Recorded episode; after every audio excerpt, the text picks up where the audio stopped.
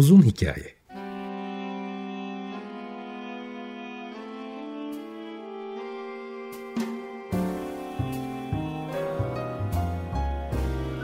Sinir bilim, psikoloji, felsefe ve müzik.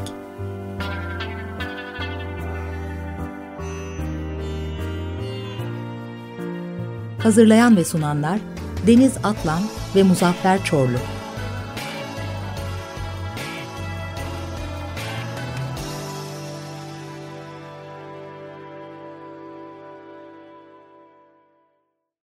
95.0 Açık Radyo'dan, Açık Radyo.com.tr ve onun uzun hikayesinden herkese selamlar tekrar. Geçtiğimiz günlerde söylemiştim programlarda yapay zeka. Fakat Türkiye'nin o kadar yoğun gündemi var ki e, hem konuklarla organize olmak hem de e, şu bir yoğunluk geçsin bir iki güne. Bugün de zaten e, bayram. Herkesin işçi ve dayanışma bayramı. E, her ülkede farklı adlandırılıyor. Kutlu olsun. E, bugün zaten konuyla ilişkili olarak Dimitri Shostakovich'in 1 Mayıs e, senfonisini yani 3 numaralı Opus 20 senfonisini dinleyeceğiz. E, geçtiğimiz günlerde e, Zumbalaki ortamında bir seminer olmuştu. Ben o seminerde insan e, evriminin, biyolojik evriminin müzikle olan ilişkisi bağlamında tabii ki e, ele alarak epey bir e, özet yapıp müziğin nerelere gittiğini, neler olacağını e, ayrıntılarıyla konuşmuştum. O yüklenmiş. Eğer e, merak ederseniz e, YouTube'da beyin ile dinleme başlığını taşıyor Zumbalaki ortamında. YouTube'da var. Fakat hem orada hem daha önceki e-maillerden de e, gelen sorularla ilişkili olarak bu mistik müzik, mistisizm müziğin neresindedir, e, ulvi müzik, dini müzik gibi sorular gelmişti. Ben aslında bu konuda hem e, Andante'de ayrıntılı olduğuna inandığım bir makale yazmıştım hem de e, bu konuyla ilgili e, bir iki program yapmıştım. Fakat e, konu mistisizme gelince bununla ilgili e, dini de kapsayan tabii e, konuklarla beraber tekrar ayrıntılı yapmak istiyorum. Çünkü e, bu son seminerde de tekrar gördüm ki en çok sorulan sorulardan bir tanesi insanın e, inanışlarıyla ya da işte e, doğadaki varoluşuyla birlikte e, gizeme karşı verdiği tepkiler içerisinde seslerin e, nasıl bir önemi var? Dolayısıyla müzik buradan bakıldığında nasıl evrimleşmiş? Bununla ilgili e, bayağı bir soru geliyor. E, onun da sözünü vereyim. Çünkü e, aslında bir iki özet program yapmıştım ama e,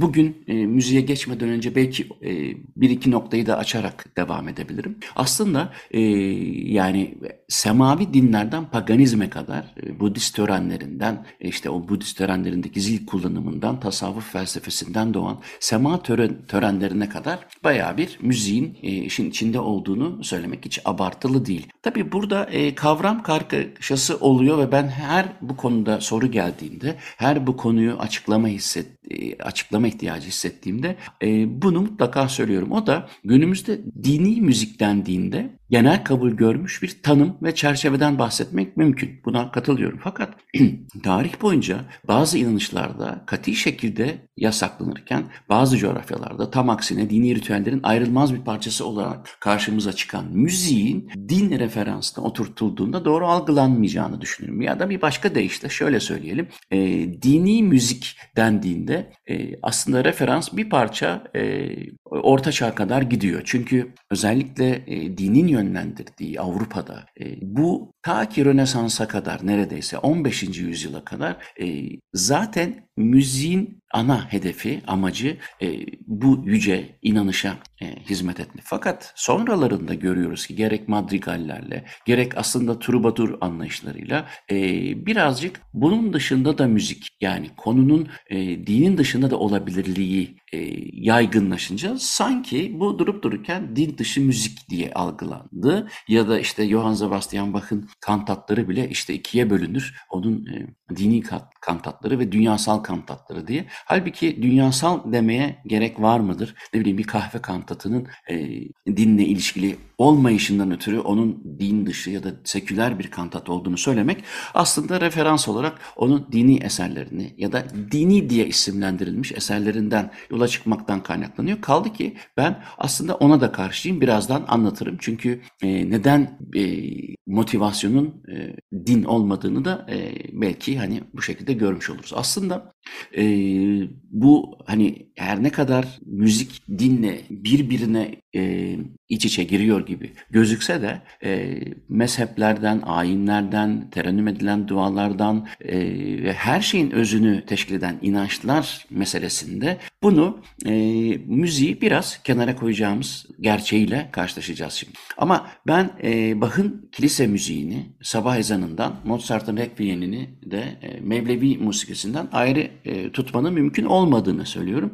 Çünkü aslında bütün mesele e, insanın doğadaki duruşuyla ilgili. Zaten tarih bizi yanıltmayacak şekilde e, mistik öğeler taşıyan müziklerin bugün e, din diyebildiğimiz bütün e, paradigmalardan çok önce geldiğini görüyoruz. Dolayısıyla insanın doğa karşısındaki e, yalnızlığı ya da belki de küçüklüğü ya da doğanın büyüklüğü, muhteşemliği, yıldızlara bakan insanın kaldı ki Kopernik'ten, Galileo'dan binlerce yıl öncesinden bahsediyoruz. Dünyanın yuvarlak olup olmadığını da bilmiyoruz üstelik. E, gece oluyor, gündüz oluyor ve gece olduğunda e, yüz binlerce e, yıldızı görüyoruz ve bu bizi heyecanlandıran durumla ilgili biz bunu tarif etmeye kalktığımızda evet resimden, heykelden bir sürü şeyden, sözden yararlanıyor olabiliriz. Fakat bize müzik aletlerinin tarihi aslında sözden önce sesin geldiğini e, zaten biliyoruz. Çünkü ses çıkartmadan sözleri bulamazdık zaten. Fakat sesleri çıkartmaya başladıktan sonra o sesleri organize ettiğimiz yani bugün bizim müzik dediğimiz ses tasarımlarını oluşturduğumuzu görüyoruz ki bunun da en basit örneği ben her zaman söylerim 50 bin yıllık 60 bin yıllık flütler var. Neandertal flütü diye ünlenmiş flütler var. Dolayısıyla bu e, dini eserler dediğimizde evet motivasyon belirli bir dinin, belirli bir ayinin parçası olabilir. Fakat insanın e, mistik ya da duyar duymaz evet bu bakın işte bir e, dini kantadır dememize yol açan müzik parametrelerinin aslında dinin kendisiyle ilişkili olmadı. Aslında dini müzikler tarihi incelendiğinde özellikle batıdaki ilk Hristiyan örnekleri aslında bu örneklerin de Yahudi kökenli olduğunu, buna ek olarak da Suriye Ortodok Kilisesi'nden de epeyce etkilendiğini görebilir. Yani bu en yaygın biçimiyle şantlar olarak bilinen genelde dini bir metne dayalı solo ya da koral çoğunlukla ya da e, kapella da olabilir yani orkestrasız da olabilir.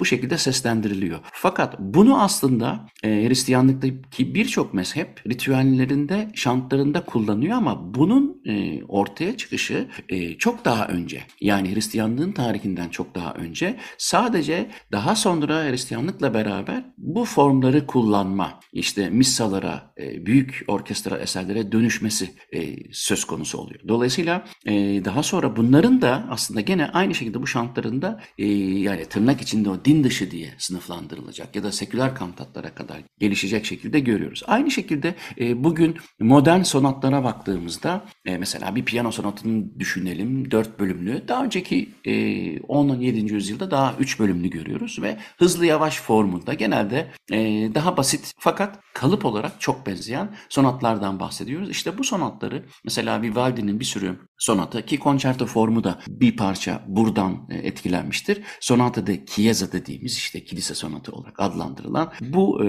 üç bölümlü hızlı yavaş hızlı e, kalıbı çok kabaca söylüyorum. E, Corelli'den tutun da Vivaldi dediğim gibi Mozart'a kadar aslında günümüzün sonatlarının tam anlamıyla bel kemiği olduğunu görüyoruz. Dolayısıyla biz şimdi Sonata de Chiesa'nın yani kilise sonatı diye bilinen şeyi dine oturtturduğumuzda e, hiçbir şekilde açıklayamayacağımız bir e, referans almış oluyor. Yani hani klasik batı müziği dendiğinde, dini eserler dendiğinde belki akla gerçekten de Johann Sebastian e, Bach geliyor. Fakat e, Bach'ın bütün bu motivasyonu, şimdi Bach ne kadar dindardı, o kadar çok makaleye rastlarsınız ki internette gerçekten Ortodoks bir Lüteryan Hristiyanı mı yoksa da hakikate ermiş bir mistik besteci mi? İşte tam burası e, beni çok fazla ilgilendirmiyor çünkü müziğindeki motivasyonun e, bu olmadığını biliyorum. Bunu nereden biliyorum? Şöyle diyelim, onun e, işte e, gerek e, Mateus Pasyonu, Luka Pasyonu ya da işte Johannes Pasyonu gibi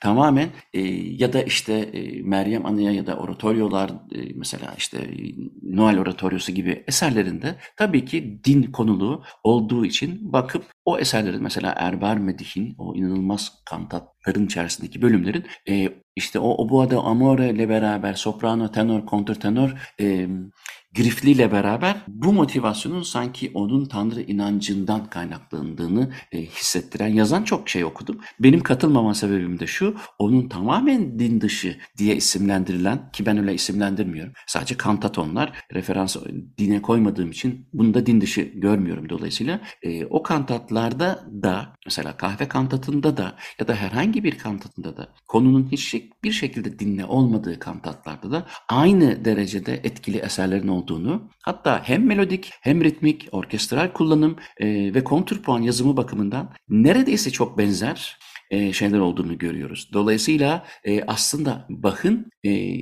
o ulvi olan şeye yani o mütevaziliği doğa içerisindeki yerini biliyor, haddini biliyor olmasının e, ve bu güzelliği kendi müzisyen beyninden aktarıyor olmasının ortaya çıkarttığı bir renk skalasıdır onun müzikleri. Dolayısıyla ben şu an bu konunun uzmanına ki bu e, deneyi de yaptım, e, dinle hiç alakası olmayan bir eserini de pekala Johannes Passion içinde bir arya sandılar. Dolayısıyla motivasyonun bu olmadığını biliyoruz. Fakat yapılmış tabii ki birçok e, deney de var. Ben e, bu konuları mistisizm ve müzik konularını e, birazcık insan beyninin doğadaki yeriyle ilişkili olarak e, kendini tam iyi hissetmemesinden, kendini nasıl konumlandıracağını bilememesinden, kaynaklı sebeplerle hissettiği o heyecana bağlıyorum. Dolayısıyla da o heyecan bilinmezliğe, belki de çok daha büyük oluşa, insan zihninin olup bitenleri anlamıyor oluşuna, e, işte evrenin sonsuz mu değil mi oluşuna ilişkin sorularına, e, o yıldızların bizden ne kadar uzak olduğuna ya da işte başka başka galaksilerde nere olup bittiğine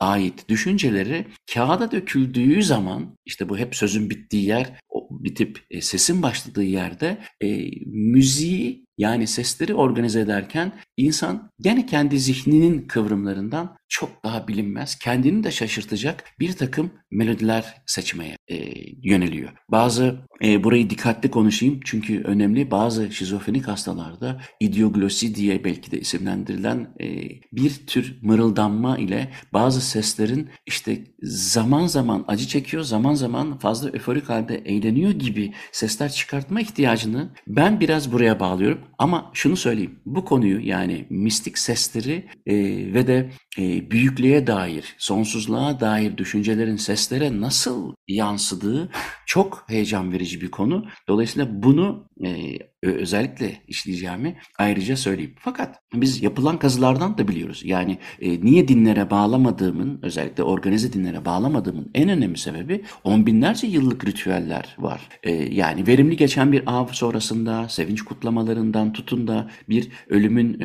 ölünün defnedilmesine kadar bir sürü sosyal olaya müzik vasıtasıyla derin anlamlar yüklendiğini görüyoruz. Buradaki e, ritüellerdeki müzik aslında e, o sesin e, hem sağaltı hem de aslında empati kurmaya en yakın şey olduğundan e, söz edebileceğimiz bir müzikal gerçekliğe sahip olması yatıyor. Yani biz e, ağladığımızda sadece gözyaşı dökmüyoruz. Aslında e, kasılan yerlerimize baktığımız zaman işte gırtlaktan tutun da akciğerlere kadar aslında bir ses çıkartmaya yönelik olduğunu görüyoruz. Dolayısıyla kendi ağlamamızı duymamızın bizi rahatlattığını gösteren çalışmalar da var. Fakat antik Mezopotamya'da kavimlerin krallara ve tanrılara ita, it, e, ithaf edilen müzikleri şimdi düşünün e, 5000 yıl öncesinde 4000 yıl öncesinde bir krala ki kral kendini tanrı olarak biliyorsunuz e, tarif ediyor ya da öyle konumlandırıyor. Dolayısıyla ona yapılacak olan müziklerin e, grandiyöz büyük bir şeyi e, anlatması lazım ve insanın da zihninin içerisindeki büyüklük ne kadarsa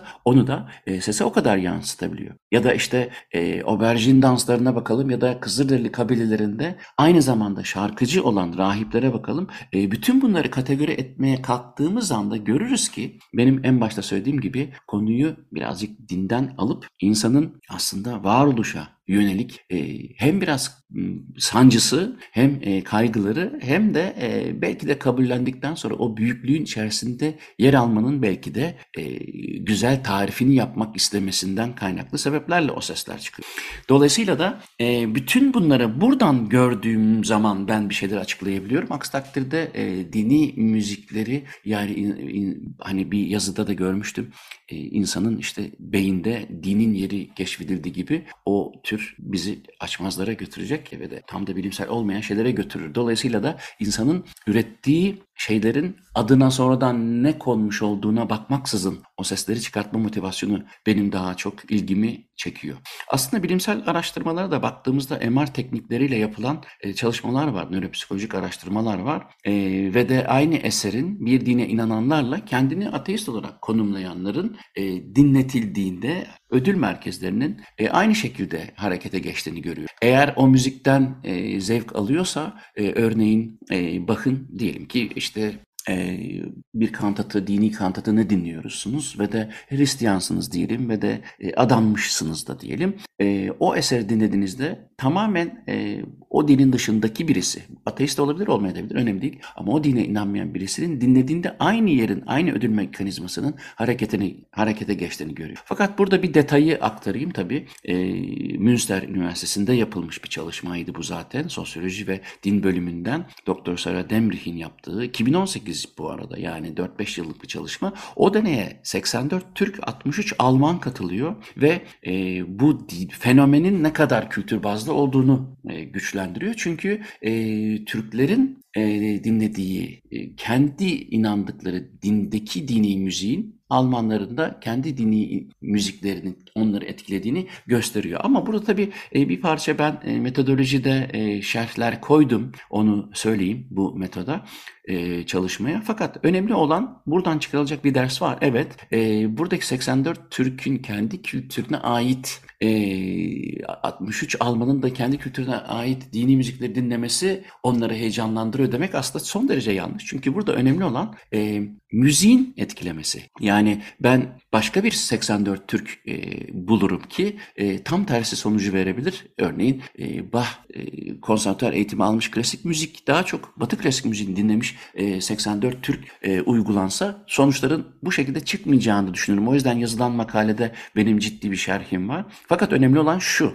e, müziğin e, ödül merkezini harekete geçiriyor olmasını baz almak zorundayız. Yoksa eğitildiği ve beğendiği, dinlediği, tekrar tekrar onayladığı müziği dinlediğinde ödül merkezinin çalışıyor olması o kişinin aslında müziğe ilgisiz beğendiği müziğe ilgili diye bir sonuç getirmeyi bize iter ki o da doğru olmaz. Neyse yani sonuçta e, aslında benim e, dediğim gibi burada e, daha sonraki programlarda özellikle e, insanın doğadaki yerini tanımlamayla, tarif etmeyle ilişkili olarak hangi enstrümanları niye e, ortaya koydu, hangi melodileri niye seçiyor biraz daha ilgimi e, çekiyor ve dolayısıyla oradan başladığım zaman mistisizmi ve e, dinin bundan nasıl yararlandığını anlatmak daha kolay oluyor. Benim bakış açım bu. Yani e, müzik e, dini zaten kullanmaz ama tam tersi söz konusudur. Yani ikna ediciliği ve insanın e, ulvi diyelim tırnak içinde onu siz kendiniz e, tanımlayın.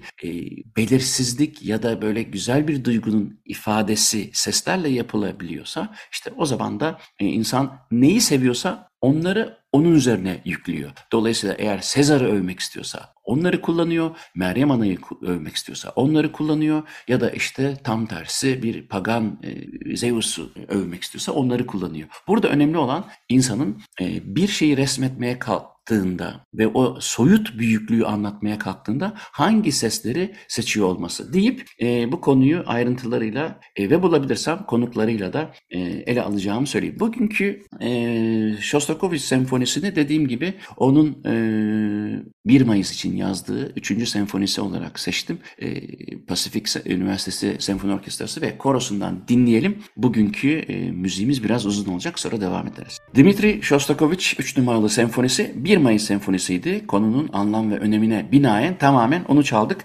E, dediğim gibi yapay zeka konularına geleceğiz. Yalnız Türkiye'deki e, gündemin ağır oluşu seçimdir vesairedir. E, bir süre önce de deprem vardı. Dolayısıyla hem konukların organize olmasında hem de benim biraz da tercihim e, birazcık ortalık sakinleşsin. Çünkü e, hem yapay zeka müzik hem yapay zeka yaz hem yapay zeka e, spor gibi felsefesine kadar gireceğimiz bir seri başlayacak. En az e, 5-6 hafta sürecek sürecek bu seri. Konuklarım da e, aşağı yukarı belirlendi. E, o programları herhalde e, ben bu hafta başlarım diye düşünüyordum ama belli ki bir iki hafta daha e, onu sarkıtmak istiyorum. Sakinleşsin diye ortalık. Ama e, bu programları Açık Radyo Spotify'a koyuyor. Ben de hem görüntülü olarak YouTube'a koyuyorum. Dolayısıyla e, abone olabilirsiniz. YouTube'dan seyredebilirsiniz e, bu programları. Ben önümüzdeki hafta yeni, yine bu belki yapay zeka programını bir iki hafta öteleyeceğim gibi hissediyorum. Gündemden ötürü şimdiden kusura bakmayın ama bana lütfen yazın hangi konuları istiyorsanız müzik, kognitif psikoloji ve de e, neuroscience'ı ilgilendiren bu üçgen içerisinde kaldığı müddetçe ben de biraz daha rahat konuşabiliyorum.